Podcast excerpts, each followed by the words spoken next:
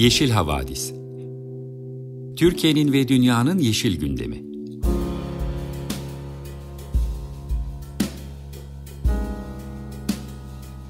Hazırlayan ve sunanlar Demet Yaman Er, Savaş Çömlek, Dilan Altın Makas, Sare Abit ve Tansu Yeşilkır.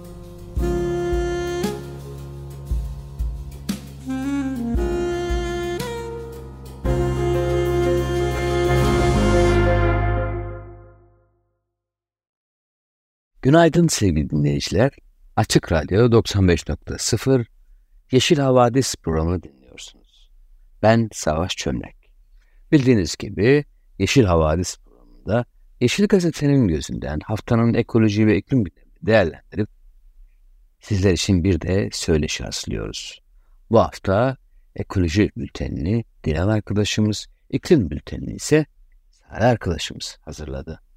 Söyleşimiz de Serkan Köybaşı ile olduğu söyleşimizin konusu Serkan Köybaşı'nın bir akademik çalışmasıyla ilgiliydi.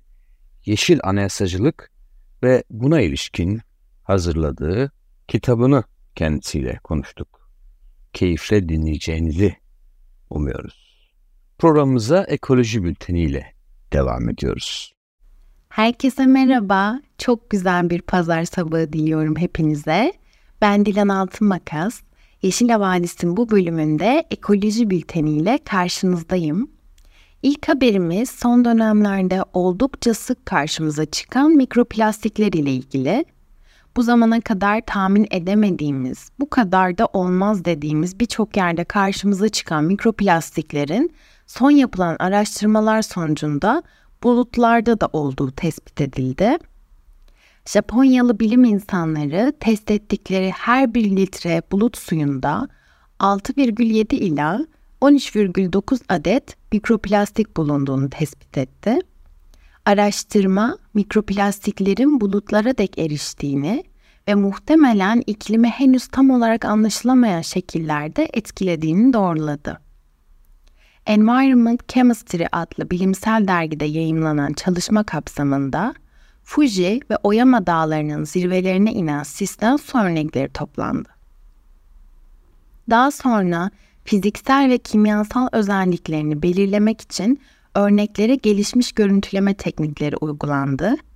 İnceleme sonucunda havada boyutları 7,1 ve 94,6 mikrometre arasında değişen 9 farklı türde polimer ve bir tür kauçuktan oluşan mikroplastikler olduğu tespit edildi. Araştırmanın başyazarı Waseda Üniversitesi'nden Hiroshi Okachi geçtiğimiz günlerde yaptığı açıklamada plastik hava kirliliği sorunu proaktif bir şekilde ele alınmazsa iklim değişikliği ve ekolojik riskler gerçeğe dönüşebilir gelecekte geri dönüşü olmayan ciddi çevresel hasara neden olabilir, dedi. Okochi, mikroplastiklerin üst, asmor, üst atmosfere ulaştıklarında ve güneş ışığından gelen ultraviyole radyasyona maruz kaldıklarında bozularak sera gazlarına katkıda bulunduklarını da ekledi. Endüstriyel atıklardan, tekstil ürünlerinden, sentetik araba lastiklerinden, kişisel bakım ürünlerinden ve diğer kaynaklardan gelen 5 milimetrenin altındaki plastik parçacıklar olarak tanımlanan mikroplastikler, balıklarda, kuzey kutbu deniz buzunda ve dağların zirvelerindeki karlarda, insan ve hayvan kanında ve sütünde ve pek çok yerde tespit edildi bildiğiniz üzere. Ancak bunların bu kadar çeşitli yerlere taşıma mekanizmaları belirsizliği koruyordu ve özellikle havadan mikroplastik taşımasına ilişkin araştırmalar sınırlı sayıdaydı. Yazarlar bildiğimiz kadarıyla bu bulut suyunda hava yoluyla taşınan mikroplastiklere ilişkin ilk rapor değerlendirmesini yaptı. Waseda Üniversitesi ise yaptığı açıklamada mikroplastiklerin hem insanlar hem de hayvanlar tarafından yutulduğunu veya solunduğunu ve akciğer, kalp, kan, plasenta ve dışkı gibi birçok organla tespit edildiğini hatırlatarak bu plastik parçaların 10 milyon tonu okyanusa karışıyor, okyanus serpintileriyle birlikte serbest kalıyor ve atmosfere karışıyor. Bu da mikroplastiklerin bulutların önemli bir bileşeni haline gelmiş olabileceğini, yediğimiz ve içtiğimiz neredeyse her şeyi plastik yağmur yoluyla kirlettiğini gösteriyor ifadelerini kullandılar. Plastikler ile başlattığımız olumsuz bülten havasını yine plastikler ile ilgili ama bu sefer ümit verici olabilecek başka bir haberiyle devam ettirmek istiyorum. Bu haberimiz 1 Ekim yani bugün itibariyle Birleşik Krallık'ta başlayan plastik, çatal, bıçak, tabak yasağı ile ilgili. Yasak kapsamında satıcılar, paket servis restoranları ve diğer ikram servisleri plastik çatal, bıçak, kaşık, strafor tabak ve kaseleri kullanamayacak. Ancak önceden paketlenmiş ve hazır, hazır gıdalarda kullanılan plastikler yasak kapsamında değil. Yani lokanta ve paket servisler gıdaları önceden paketlemek için plastik tabak, tepsi ve kase kullanmaya devam edebilecek. 1 Ekim'den itibaren tek kullanımlık plastikle satış yapan iş yerlerine para cezası verilebilecek ve denetimleri yerel yönetimler yapacak. Çevre aktivistlerinin düşüncelerine baktığımızda ise onlar bu kararı haklı olarak yetersiz buluyorlar. Plastiğin doğada çözünmesi yüzlerce yıl alıyor, suyu kirletiyor ve sera gazı salınımına da sebep oluyor. Birleşik Krallık'ta geçen yılda tek kullanımlık plastik pipetler, karıştırıcılar ve plastik içeren kulak temizleme pamukları yasaklanmıştı. Ancak çevre aktivistleri yeni yasa plastik atık plastik atık sorunuyla mücadelede yeterli olmamakla eleştiriyor. Greenpeace'den plastik atık aktivisti Anna Diski, sadece birkaç tek kullanımlık plastik ürüne birkaç yılda bir sembolik yasaklar getirmek sorunun boyutuna kıyasla tamamen yetersiz diyor ve ekliyor. Bu bölük pörçük yaklaşım yerine hükümet sorunun kaynağına inmeli ve üretilen plastiğin boyutunu azaltmaya yönelik ciddi bir strateji geliştirmeli.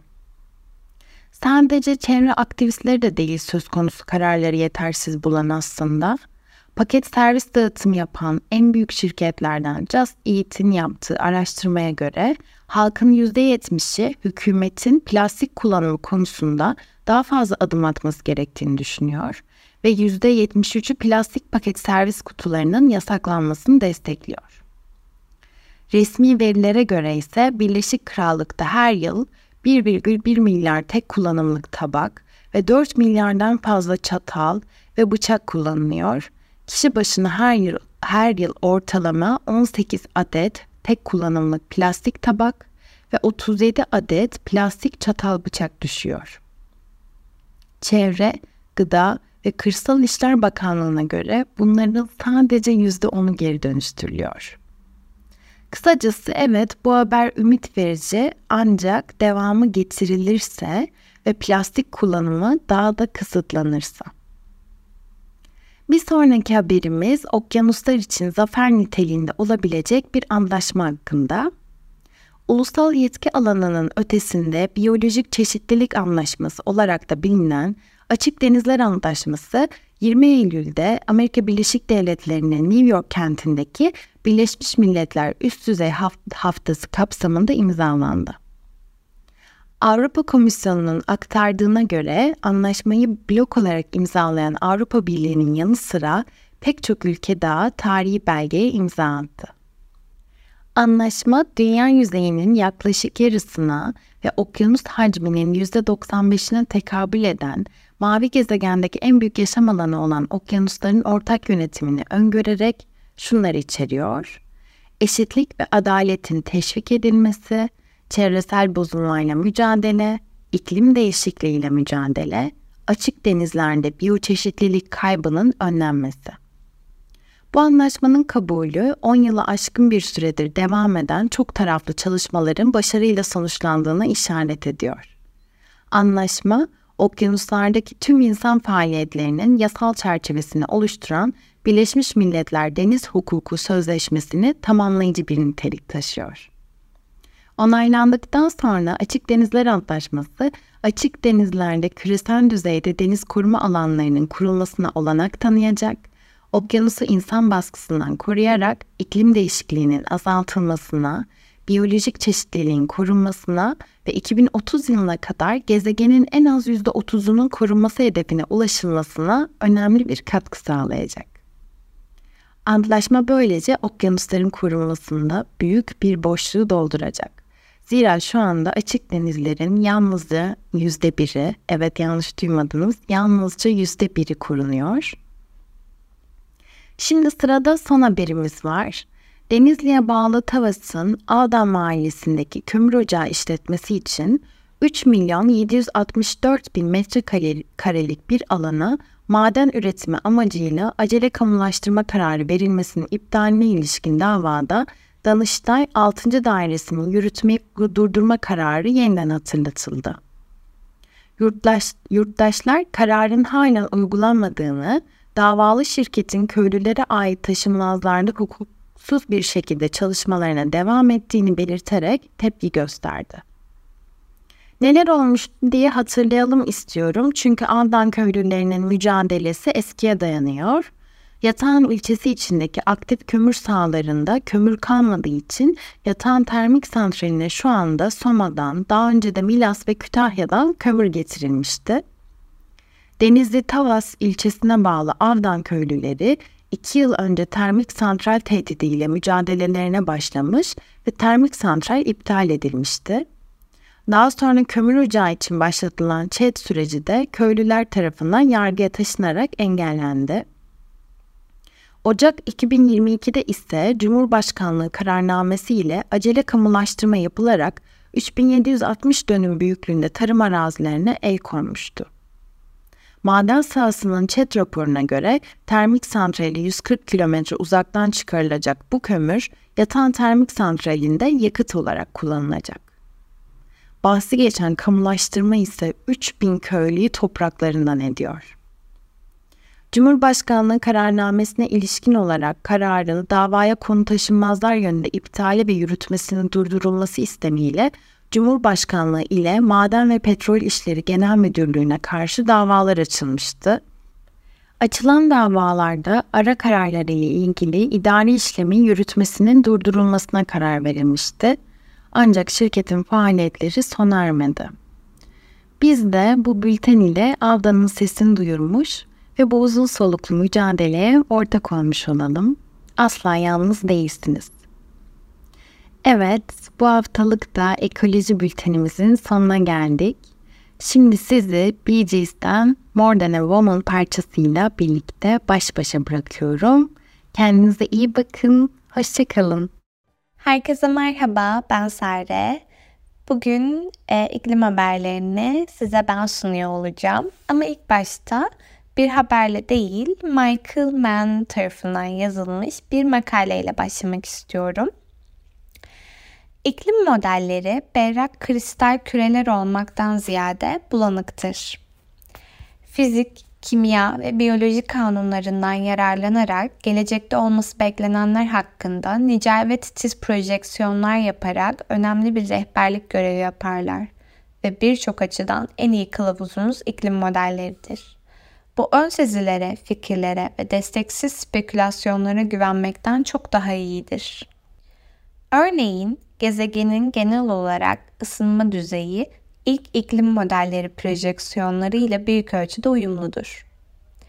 Ancak buz tabakalarının erimesi, deniz seviyelerinin yükselmesi, Arktik deniz buzunun küçülmesi, okyanustaki taşıyıcı akımların yavaşlaması veya çökmesi, Kuzey Amerika'nın batısındaki kuraklık ve aşırı hava olaylarındaki artış gibi bazı önemli iklim değişikliği etkileri söz konusu olduğunda modellerde önemli süreçlerin yokluğu veya zayıf olarak temsil edilmesi değişikliklerin hızının ve büyüklüğünün sistematik olarak hafife alınmasına yol açmaktadır.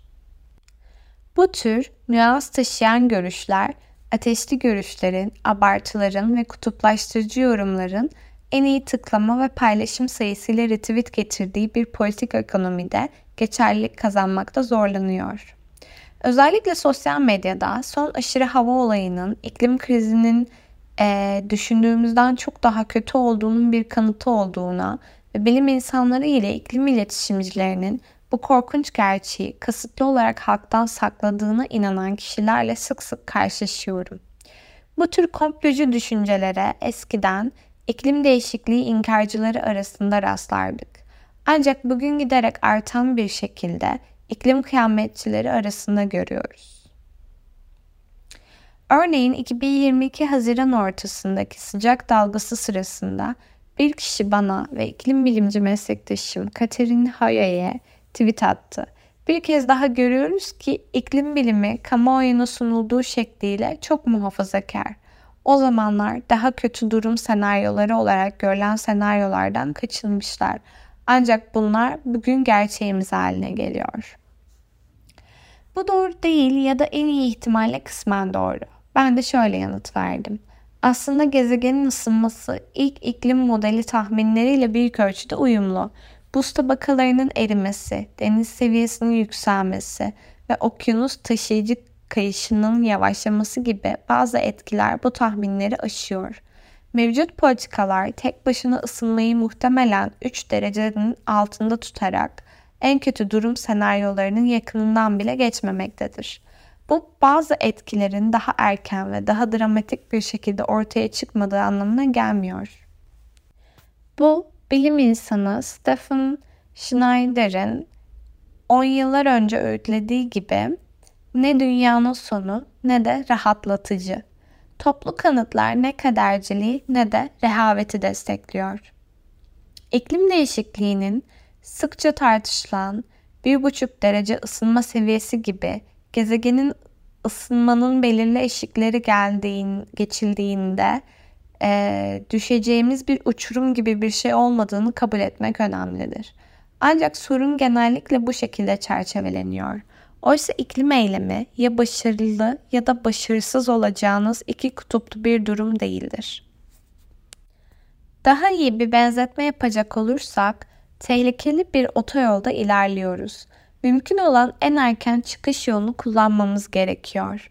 Gördüğümüz gibi iklim değişikliğinin tehlikeli etkileri yıkıcı kuraklıklar, sıcak dalgaları, orman yangınları, seller ve süper fırtınalar şeklinde şimdiden hissediliyor.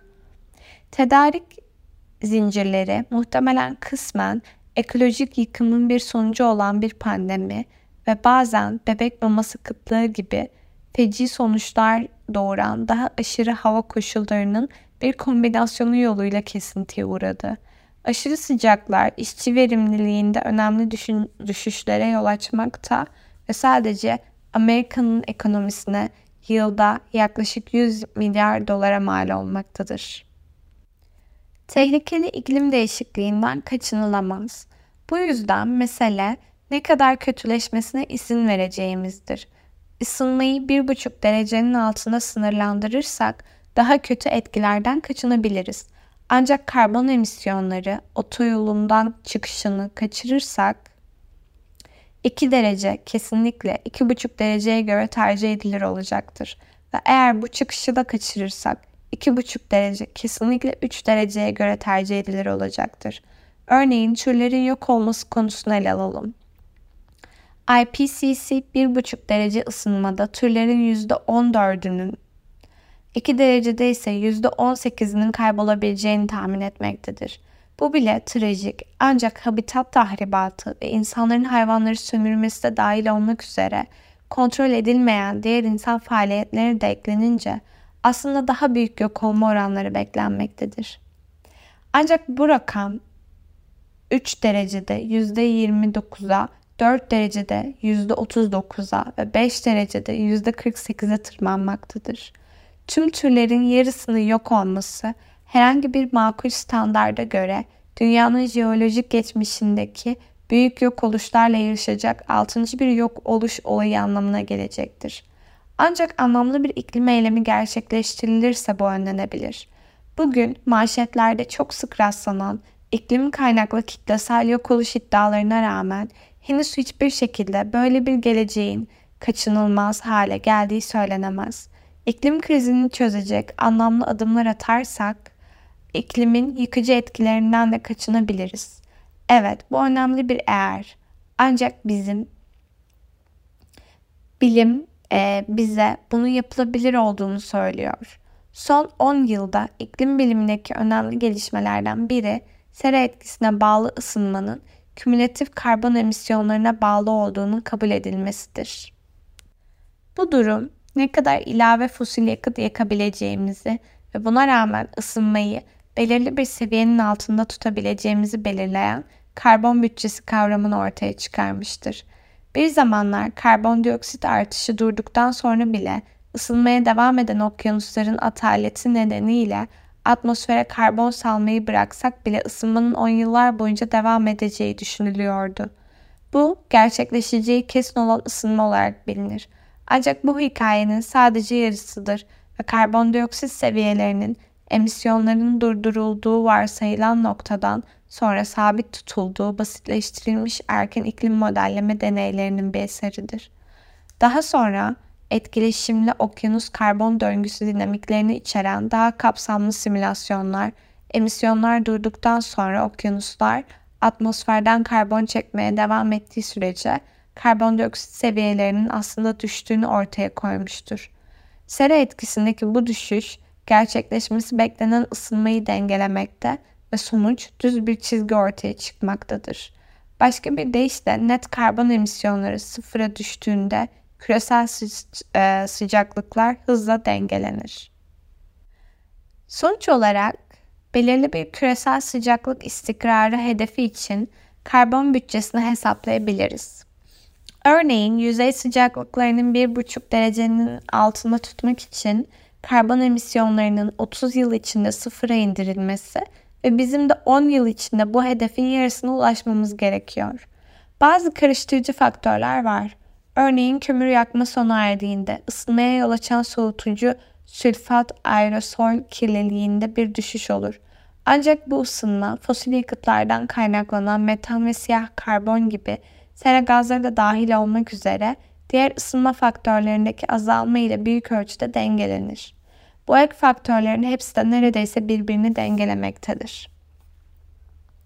Küresel sıcaklıkların 1,5 derece gibi belirli bir hedefi aştığı, yüzyılın ortalarında 2 dereceye kadar yükseldiği, daha sonra biraz soğuyarak 1,5 derecenin altında istikrara kavuştuğu senaryolar vardır. Buna aşım denir ve daha kısa süreli küçük bir aşım, iklim etkisi açısından daha uzun süreli büyük bir aşıma göre daha iyidir. Bir kez daha kesinlik yoktur. Isınma ne kadar az ve kısa süreli olursa o kadar iyidir.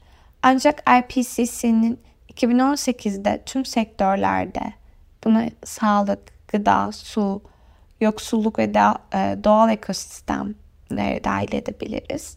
Yaptığı en kapsamlı ve yetkili risk değerlendirmesi temelde gezegeni 1,5 derecenin ötesinde ısıtmak istemediğimiz ve 2 derecenin ötesinde ısıtmayı hiç mi hiç istemediğimiz sonucuna vardı. Ve eğer bu hedefleri aşacak olursak aşma süresini minimumda tutmak istiyoruz. Peki ne durumdayız? Bilim insanları 2021'in sonlarında Glasgow'da düzenlenen Birleşmiş Milletler İklim Değişikliği Konferansı'nda yani COP26'da yapılan yukarı yönlü revize edilmiş taahhütleri değerlendirdi ve bunların ısınmayı muhtemelen 2 derecenin altında tutacağını belirledi. Bu 2015 Paris zirvesinden önce gitmekte olduğumuz kabaca 4 derece ısınmaya kıyasla önemli bir ilerlemedir.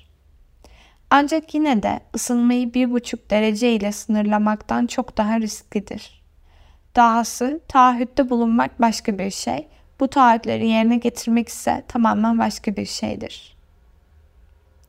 Meslektaşım Susan Joy Hustle ve benim COP26'nın tamamlanmasının ardından Los Angeles Times'ta yayınlanan bir köşe yazısında açıkladığımız gibi ısınmayı 1,5 derece ile sınırlama hedefi hala canlıdır. Ancak sadece hemen şimdi sıkı çalışmaya başlarsak bunu başarabiliriz. Diğer hususların yanı sıra 1,5 dereceye giden yolda yeni fosil yakıt altyapısının olmaması gerekir. Oysa boru hatlarının inşa edilmeye devam ettiği bir dönemdeyiz. ExxonMobil ve Gazprom, e, Rus devlet fosil yakıt şirketi, dahil olmak üzere bir avuç fosil yakıt şirketi yaklaşık 200 milyar varil petrol ve gaz üretecek yeni projeler planlıyor. Bu dünyanın en büyük karbon kirliliği üreticisi olan Çin'in 10 yıllık emisyonuna eşdeğerdir. Politikacıları, kanaat önderlerini ve şirketleri sorumlu tutmak elzemdir. Her ne kadar vatandaşlar artık ezici bir çoğunlukla ortak iklim eylemini destekliyor olsalar da gerekli değişiklikleri kendi başlarına gerçekleştiremezler. Bireyler olarak bizler, tüketiciler olarak elbette iklim dostu seçimler yapabiliriz. Ancak yenilenebilir enerji endüstrisi için sübvansiyonlar uygulayamayız ve fosil yakıt endüstrisine verilen destekleri iptal edemeyiz. Karbonu fiyatlandıramayız ve büyük fosil yakıt altyapı projelerini engelleyemeyiz.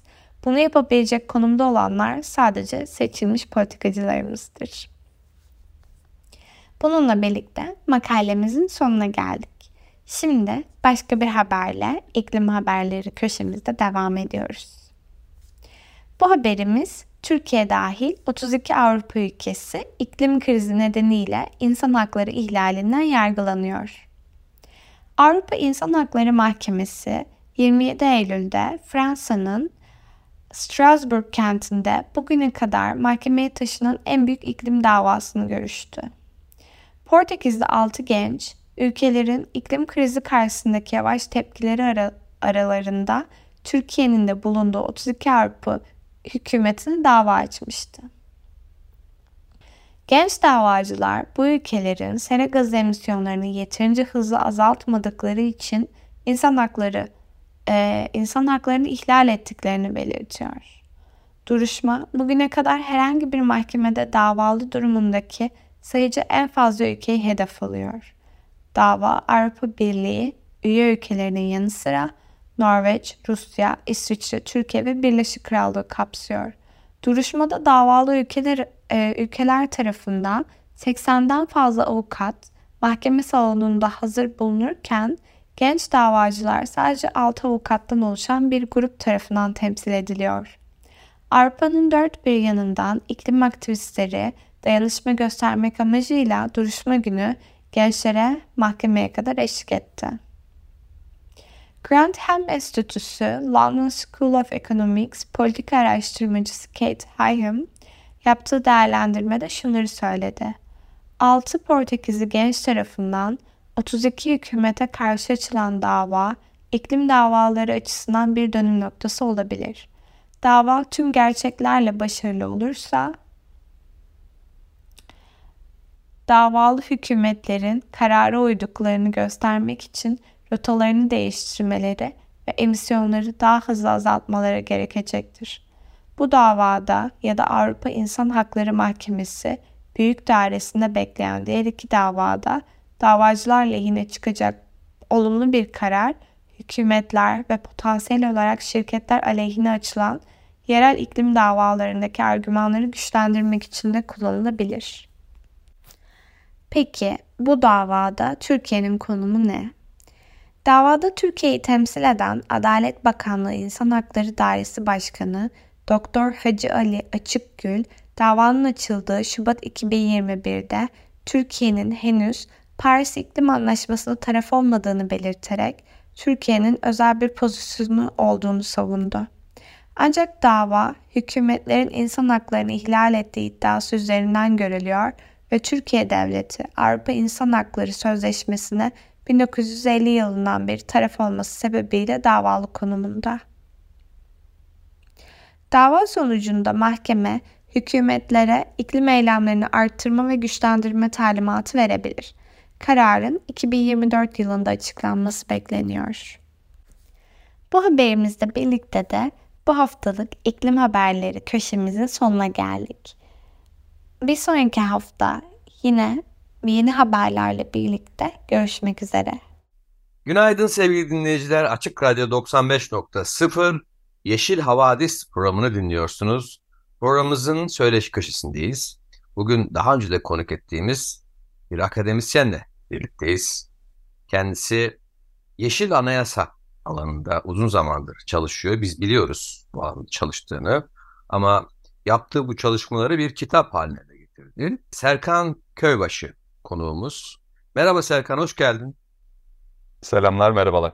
Sevgili Serkan, bize biraz kendinden bu kitabın öyküsünden bahseder misin izleyicilerimiz için? Sonra yeşil anayasacılık ne demek? Ekolojik anayasa ne demek? Belki biraz ondan söz ederiz, devam ederiz ama önce bir giriş yapalım. Tamam, ben Serkan Köybaşı, e, Bahçeşehir Üniversitesi Fakültesinde e, doktor öğretim üyesiyim. Uzun zamandan beri Yeşil Hareket'in içerisindeyim, Yeşil Düşünce Derneği'nin üyesiyim.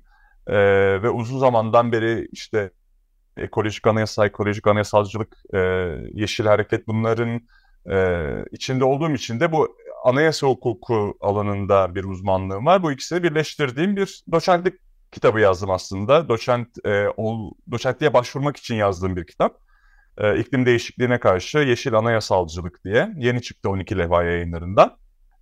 Kitabın hikayesi aslında benim yani e, bu e, iklim değişikliğine karşı acaba hukukun nasıl bir görevi var? İklim değişikliğine karşı hukuku nasıl kullanabiliriz, araçsallaştırabiliriz? E, bu konuda bir çalışma yapma e, niyetiyle başladı. E, ve araştırmaya başladıkça aslında e, ikisinin böyle çok birbirinden alakasızmış gibi görünen iki konunun, yani iklim değişikliği ve hukuk gibi e, çok alakalı olmadığını düşündüğümüz bir iki konunun aslında göbekten birbirine bağlı olduğunu e, gördüm. E, çünkü e, bugünkü ekonomik sistem, yani bugünkü ekonomik altyapının bir sonucu aslında bugün içinde bulunduğumuz hukuk sistemi. E, e, aynı zamanda içinde bulunduğumuz iklim krizi de yine bugünkü ekonomik altyapının bir sonucu. Yani ikisini de e, aynı temelden kaynaklandığını görüyoruz. E, ve işte bugün iklim değişikliğini bir türlü e, sınırlayamamak, bir türlü durduramamanın temelinde de aslında bu yatıyor. E, işte ilk önce o yüzden kitabın ilk e, bölümünde e, iklim değişikliğinin bir nedeni olarak e, hukuk sistemini analiz ettim. E, neden e, bugünkü hukuk içerisinde bir türlü çözüm bulunamıyor ama bu nasıl büyük bir e, bizi çıkmaz yola sürüklemiş durumda. E, neden bir türlü o işte büyük petrol şirketleri durulamıyor? Neden parlamentolar devreye girmiyor? Neden mahkemeler e, işte bizim hakları, bizim yaşam hakkımızı korumaktansa hala şirketlerin haklarını koruyor? Bunları analiz etmeye çalıştım. Bunun temelinde işte burjuva e, anlayışının, burjuva hak ve özgürlük anlayışının olduğunu ortaya koymaya çalıştım. E, tabii bu çoğumuzun bildiği bir şey e, ama bir türlü çözüm bulamıyoruz yani bu kısır döngü içerisinde. O yüzden ikinci bölümde ise buna bir çözüm olarak yeşil bir anayasal düzen nasıl olabilir, nasıl olmalı ve biz buna nasıl erişebiliriz? Bir somut e, bir çözüm yolu olarak bunu nasıl e, başarabiliriz? İklim değişikliğini hukuk yoluyla nasıl durdurabiliriz gibi bir e, bölüm oldu ikinci bölümde. Hani ilk İlk bölümde sorunu analiz ediyorum. Sorunun kaynaklarını e, analiz ediyorum. İkinci bölümde ise çözüm yollarını ortaya koymaya çalışıyorum. Tabii e, ortada bir şey yok yani kesinlik yok elbette ki. E, kesin çözümü buldum diye bir şey söylemiyorum. E, ama Türkiye'de en azından bu konunun e, tartışılabilmesi için bir zemin yaratmaya çalıştım. E, ta, tabii ki yazdığım şeyler eleştirilebilir, doğru bulunmayabilir çünkü çok disiplinli bir çalışma olmak zorunda kaldı. Çünkü iklim değişikliği çok e, e, çok nedenli bir e, sorun. Yani ekonomik so- e, nedenleri var, işte siyasal nedenleri var. Tabii ki bilimsel, fen bilimlerine dayanan kimyasal, fiziksel nedenleri var. E, tabii ben sadece bir hukukçuyum. Ekonomist değilim ya da işte ekonomi e, gibi bir uzmanlık alanım yok ya da işte fen bilimlerinde bir uzmanlığım yok. Ama olabildiğince o eksikliklerini tamamlayarak çok disiplinli bir çalışma yürütmeye çalıştım. O yüzden e, kitapta bir anayasa kitabı ya da bir anayasa hukuku kitabı olmaktan biraz çıktı, onu aştı. O yüzden de adını anayasalcılık ya da daha genel olarak bilindiği üzere anayasacılık, e, yeşil anayasacılık olarak e, koydum. Çünkü anayasacılık daha çok iktidarın sınırlanmasıyla ilgili. E, anayasa metniyle sıkıştırmak istemedim kitabın konusunu. Ee, yani bugünkü iktidar tabii e, sadece hükümettekiler yani işte bugün Türkiye için mesela Erdoğan hükümeti, Macaristan için e, işte Orban ya da Amerika için Biden hükümetinden bahsetmiyorum. Aslında iddiam e, şu anda iktidarın burjuvada olduğu yani kapitalist sistemin bir hegemonya kurduğu, kuvvetler ayrılığını anlamsızlaştırdığı, bir yasama yürütme yargı gibi ayrım var zannediyoruz ama aslında bunun üçünün de burjuvazi tarafından ele geçirmiş olduğu, o yüzden de kuvvetin kuvveti durduramadığı bir ortamda olmamız nedeniyle aslında işte iklim değişikliği yani bilim insanları geliyor diyor. Hepimiz işte 6. yok oluşa doğru ilerliyoruz diyor. Ama kimse durduramıyor kapitalizmi. Neden? Çünkü işte e, bugünkü sistem aslında zaten kapitalizmin üst yapısı. Ee, işte bu nedenle de birilerinin devreye girmesi gerekiyor. Burada da benim çözümüm zaman aralığımız da çok dar olduğu için iki yönlü. Biri tabii ki demokratik bir hareket. Yani e, tabanına yayılmış işte herkesin içine girebildiği ve demokratik yollarla e, iktidarı ve iktidarın bağlı olduğu şirketleri durdurabildiği bir yöntem ama bu çok uzun yıllara yayılacak bir e, mücadele. Başladı zaten çok da güçlü, güçleniyor hala. Ama zaman aralığımız çok dar olduğu için bilim insanlarının söylediğine göre e, ki yani onlara inanmaktan başka bir çaremiz yok. Bilimin arkasında birleşiyoruz. E, diyorum ki yüksek mahkemeler yani işte mesela Türkiye'de Anayasa Mahkemesi ya da uluslararası yüksek mahkemeler mesela İnsan Hakları Avrupa Mahkemesi gibi.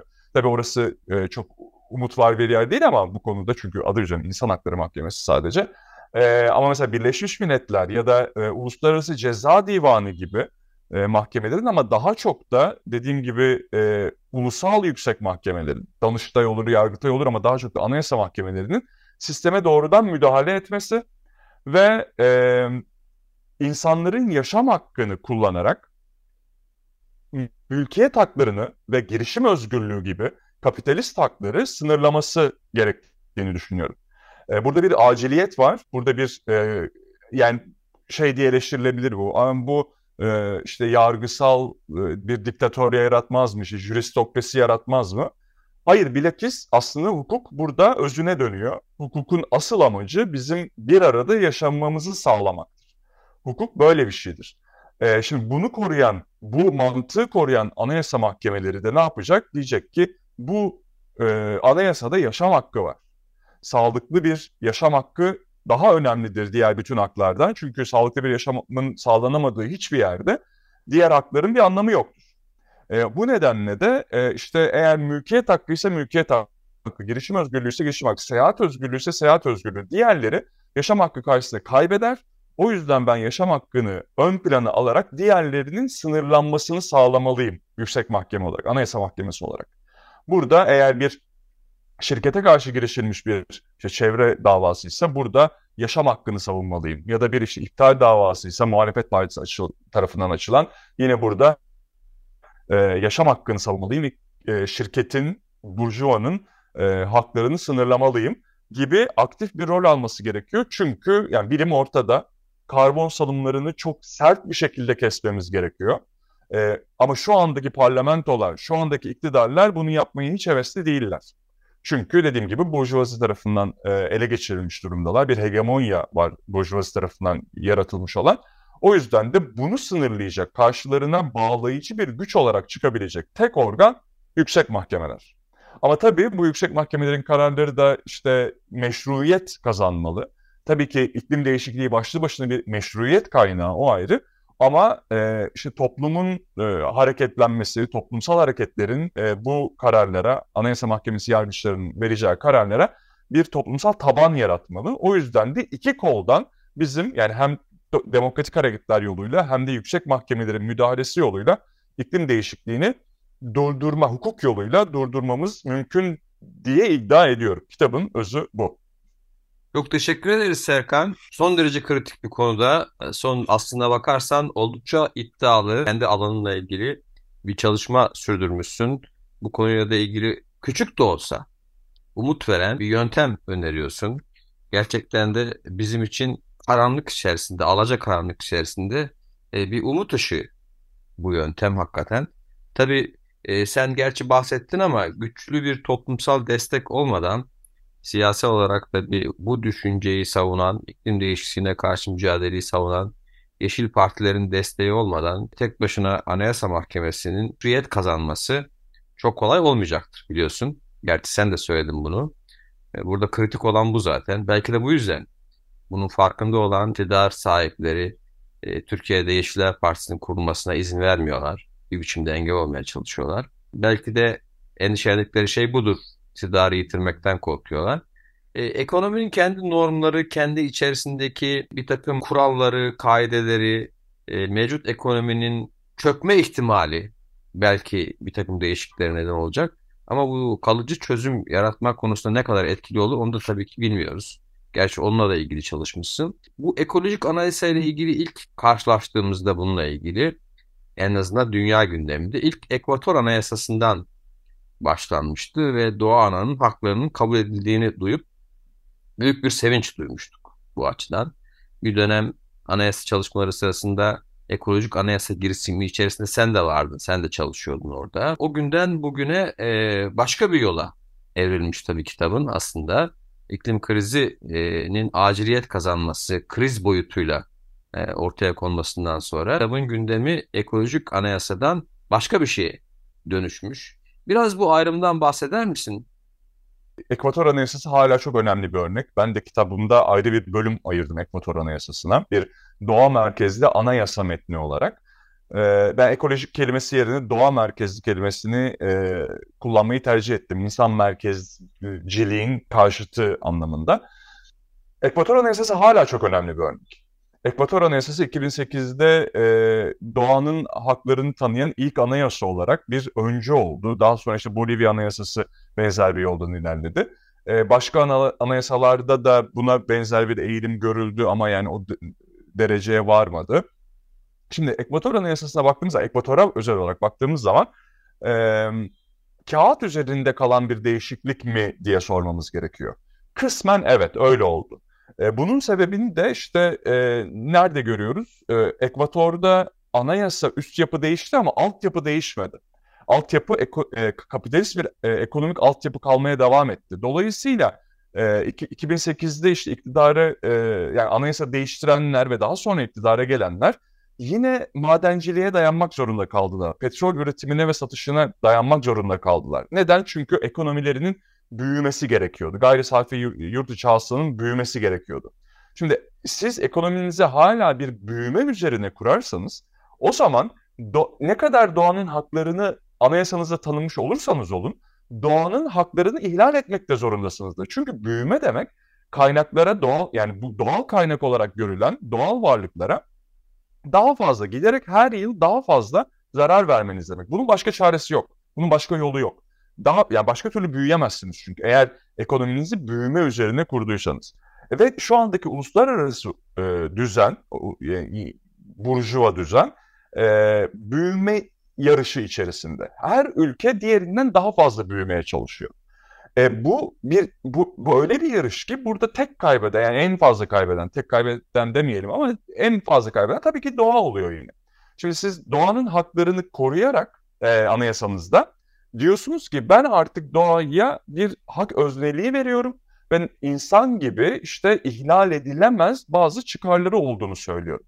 Ama aynı zamanda da diyorsunuz ki ben burada maden yap maden çıkartmak zorundayım, petrol çıkartmak zorundayım ve işte o onun ondan kaynaklanan e, karbon salımına devam edeceğim. Şimdi bu çelişkili. Buradaki çelişki neyden kaynaklanıyor? Siz altyapınızı değiştirmeden üst yapıdaki anayasa metnini değiştiriyorsunuz. Bu, bu, ne, bu nedenle havada kalıyor biraz. Ama e, bunun olumlu tarafı yani bu metnin e, işte 2008'de doğanın haklarını koruyan şekilde ortaya çıkmasının bir sonucu olarak ya da işte yer, yerli halklarının haklarını koruyan şekilde ortaya çıkmasının sonuçlarını bugün görüyoruz aslında. Yani mesela çok önemli Anayasa Mahkemesi kararı var. Los Cedros kararı. Los, Los Cedros kararında Ekvator Anayasa Mahkemesi dedi ki Los Cedros e, ormanının içerisindeki milli parkta e, maden çıkartamazsın sen. Çünkü Los Cedros ormanı başlı başına var olma hakkı olan bir varlıktır. Yani nasıl bir insanın işte ifade özgürlüğünü engelleyemiyoruz teorik olarak da olsa ya da işte yaşam hakkını e, engelleyemiyoruz, onu öldüremiyoruz. Aynı şekilde Los Cedros ormanının da varlığını ortadan kaldıramazsın dedi Anayasa Mahkemesi. Ve burada e, Los Cedos Ormanı'nın varlığı insanları için özel olarak ekonomik bir değer ifade etmiyordu. Çünkü bugünkü sistemde e, işte gayri safi yurt, yurt dışı hasılanın büyümesi mantığı üzerinden baktığımızda bir şeyin hukuki değeri ancak onun ekonomiye pozitif bir katkısı olması halinde olabilir. E şimdi Los Cedos Ormanı öyle bir yer değildi. Los Cedos Ormanı sadece biyolojik çeşitliliğin çok fazla olduğu, e, çok önemli bir e, işte bulut ormanıydı, sis ormanıydı. Bir ekonomik getirisi doğrudan yoktu e, Ekvator ekonomisine.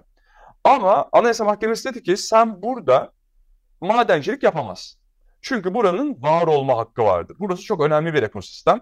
O yüzden bundan sonra da yani sadece şimdi değil bundan sonra da ben var olduğum sürece burada madencilik yapılamaz dedi. Şimdi bu Los Angeles ormanını kurtardığı gibi diğer doğal varlıkların da bu şekilde korunabileceğini gösterdi.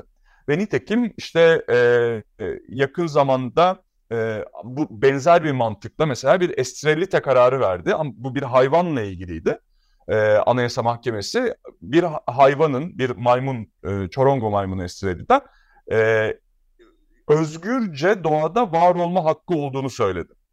E, bu da yine şeyden kaynaklandı. Çünkü o hayvan da doğanın bir parçasıdır. Doğanın hakları varsa e, hayvanların da bireysel olarak hakları vardı. Tek tek hayvanların da hakları vardı. Şimdi e, baktığımız zaman Anayasa Mahkemesi'nin 2008'de kabul edilmiş olan da ekolojik anayasa olarak tanımladığımız anayasayı sadece e, bir iyi niyet belgesi ya da işte böyle e, güzel sözlerden oluşan romantik bir metin olmaktan çıkartıp gerçek hayatı uygulamaya başladığını görüyoruz. Ve bu işte e, ekolojik anayasanın yeşil anayasalcılık amacıyla kullanılması anlamına geliyor.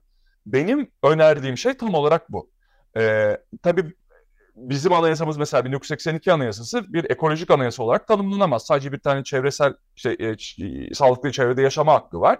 Onun dışında doğanın e, haklarından bahsedemiyoruz. Doğa bir hak öznesi olarak kabul edilmiş durumda değil. Ama yine de yaşam hakkı kabul edilmiş durumda. Yani e, herkesin yaşam hakkı vardır diyor. Şimdi buradaki herkes kelimesini Anayasa Mahkemesi insanlar olarak algılamak zorunda değil. Eğer siz Anayasa Mahkemesi olarak, evet tabii çok iyi niyetliyim. Bugünkü Anayasa Mahkemesi'nden böyle bir e, vizyon beklemiyorum ben. Ama böyle bir potansiyel var ve eğer iklim değişikliği zorlarsa anayasa mahkemeleri yani gerçekten 6. yok oluşun her, hepimiz farkına varırsak ve aşağıdan gelen demokratik hareket de anayasa mahkemesini bu yönde iterse, bu yola iterse o zaman anayasa mahkemesi şöyle bir yorumda yap, yorum yapabilir. Bugün de yapabilir bakın bunu. Ee, buradaki herkesin yaşama hakkı vardırdaki herkes sadece insanlar olamaz. Çünkü e, sadece insanlar yaşamıyor bu dünyada. İnsanlar e, her şeyin üstünde olan varlıklar değiller. Aslında doğa bir ağ şeklinde çalışıyor. Hiyerarşik bir şekilde değil, bir ağlar bütünü olarak çalışıyor ve biz de diğer doğal e, ekosistemlere ve hayvanlara bağlıyız aslında. E, o yüzden buradaki yaşam hakkı e, doğal varlıkları ve hayvanları da kapsar. O yüzden ben bir yerdeki Akbelen'deki mesela ağaç kesimini durdururum.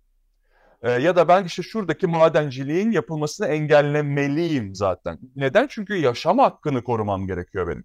Anayasa Mahkemesi olarak benim görevim bu e, anayasadaki e, işte e, hepimizin bir arada yaşama bir arada olma belgesindeki yaşam hakkının üstünlüğünü korumalıyım. Böyle bir bakış açısına e, geldiği zaman, vardığı zaman e, anayasa mahkemeleri dünyanın her yerinde, sadece Türkiye'den bahsetmiyorum, dünyanın her yerinde e, işte bu burjuvanın hegemonyasını sınırlamaya başlayabilir. Ve dediğim gibi bugün bunu yapabilecek başka bir organ yok. Yani evet siyasal partiler kuruluyor, iktidara geliyorlar, gelmiyorlar, mitingler oluyor, e, iklim eylemleri oluyor, okul e, grevleri oluyor. Ama parlamenterlerin çok da umrunda olmuyor. E, işte mesela daha yeni e, Rishi Sunak mesela işte net zero politikasını değiştirdi ve İngiltere'de inanılmaz büyük bir madencilik e, faaliyetin bir izin verildi daha bugün. Ve e, yani 28 tane e, ülkenin e, salımına eşit bir e, şey çıkacak orada, kömür çıkacak o madenden. Ve bunu 2023 yılında iklim değişikliğinin artık bilim insanları tarafından çok net bir şekilde ortaya konduğu bir zamanda yapabiliyor Rishi Sunak bunu. Neden? Çünkü yapmasını engelleyen bir şey yok. Ben de diyorum ki bu e, iktidarları, parlamentoları engellemek için kurulmuş bir organ var. O da yüksek mahkemeler, anayasa mahkemeleri. İngiltere'de bir anayasa mahkemesi yok ama yüksek mahkeme var. Ve bu mahkemede bir şekilde e, metinleri, kanunları, İngiltere'de anayasa olmadığı için tabii orada biraz daha sıkıntılı bir durum var. E, bu metinleri işte yani e, Bill of Rights'ı ya da işte tarihteki diğer belgeleri kullanarak ne yapabilir? İktidarları sınırlayabilir ve sınırlamalıdır diyorum. Ee, yeşil anayasalcılıktan kastım bu. Bunu bu arada tarihte yani e, zaten Burjuva yaptı. Burjuva çıkarttı bu anayasalcılık kavramını. Burjuva işte 16. 17. yüzyılda modern devleti kurarken iktidarları sınırlayarak kurdu. Ve e, anayasalcılık kavramı, constitutionalism kavramı kralların mutlak iktidarını sınırlamak için ortaya çıkartılan bir kavram. Şimdi ben bu silahın, bu kavramın aynı krallar gibi bir hegemonya kurmuş, mutlak iktidar kurmuş olan Burjuva'ya karşı kullanılması gerektiğini düşünüyorum. Ve bunun da yaşamın devam etmesi için, bu dünyada e, üzerindeki yaşamın devam etmesi için mutlaka bir gereklilik olduğunu söylüyorum. Bunu yapabilecek organ da benim bakış açımdan Anayasa Mahkemeleri. Sevgili Serkan, e, yine seni desteklemek için söylüyorum aslında. Hakikaten mevcut egemen sistemi kontrol etmek için başka bir şeye ihtiyaç var. Çünkü iki hafta önce konuk ettiğimiz Norveçli bir akademisyenden ilginç bir cümle duydum. Onu anımsadım sen e, İngiltere ile ilgili örneği verdiğin zaman. Norveç'te mevcut iktidar, mevcut yönetim yenilenebilir enerji kaynakları üzerinde hakikaten çok ciddi çalışıyorlar.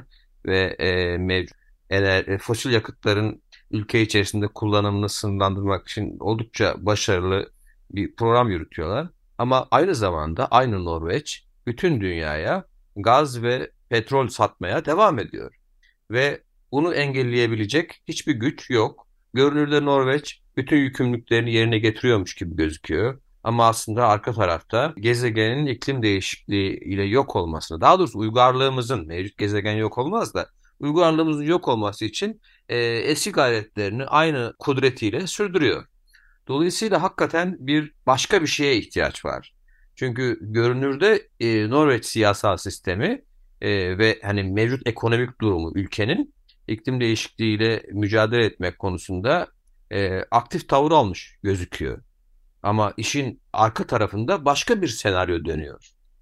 Dolayısıyla senin yeşil anayasacılık olarak tanımladığın ve bize bir umut ışığı olan yönteme e, gerçekten ihtiyaç var. Çünkü iki yüzlülüğü kontrol etmenin de başka bir yolu yok. Hukuk dışında elimizde başka bir seçenek de yokmuş gibi gözüküyor hakikaten. Belki e, ne yazık ki süremizin sonuna geldik. Belki son bir şeyler söylemek istersin.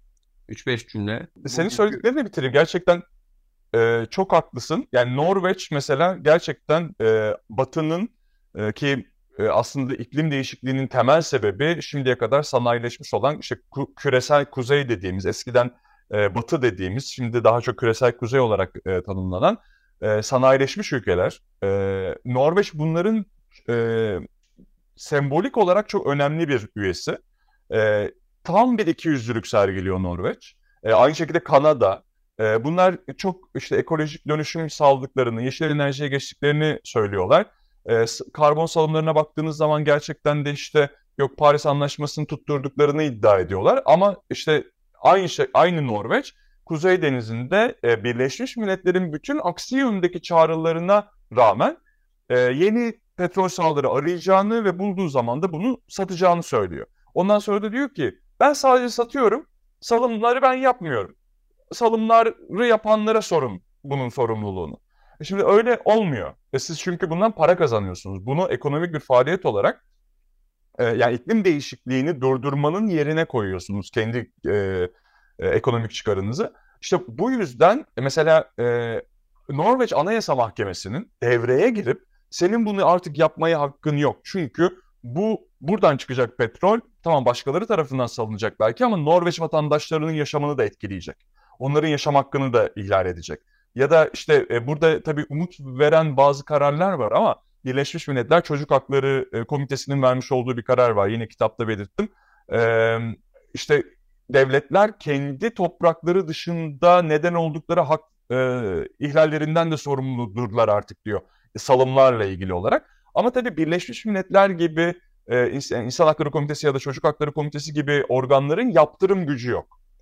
Anayasa mahkemelerinin var. Uluslararası Ceza Divanı'nın da var. Ama Uluslararası Ceza Divanı'nın Roma statüsünde e, çevre hakkı ya da doğa hakkı ya da işte e, buna benzer bir e, suç yok. Sadece işte çok önemli e, işte soykırım suçu var, insanlığa karşı suçlar var, savaş suçları var. E, bunların eklenmesi için ekokırımın da bir uluslararası suç olarak eklenmesi için çabalar var.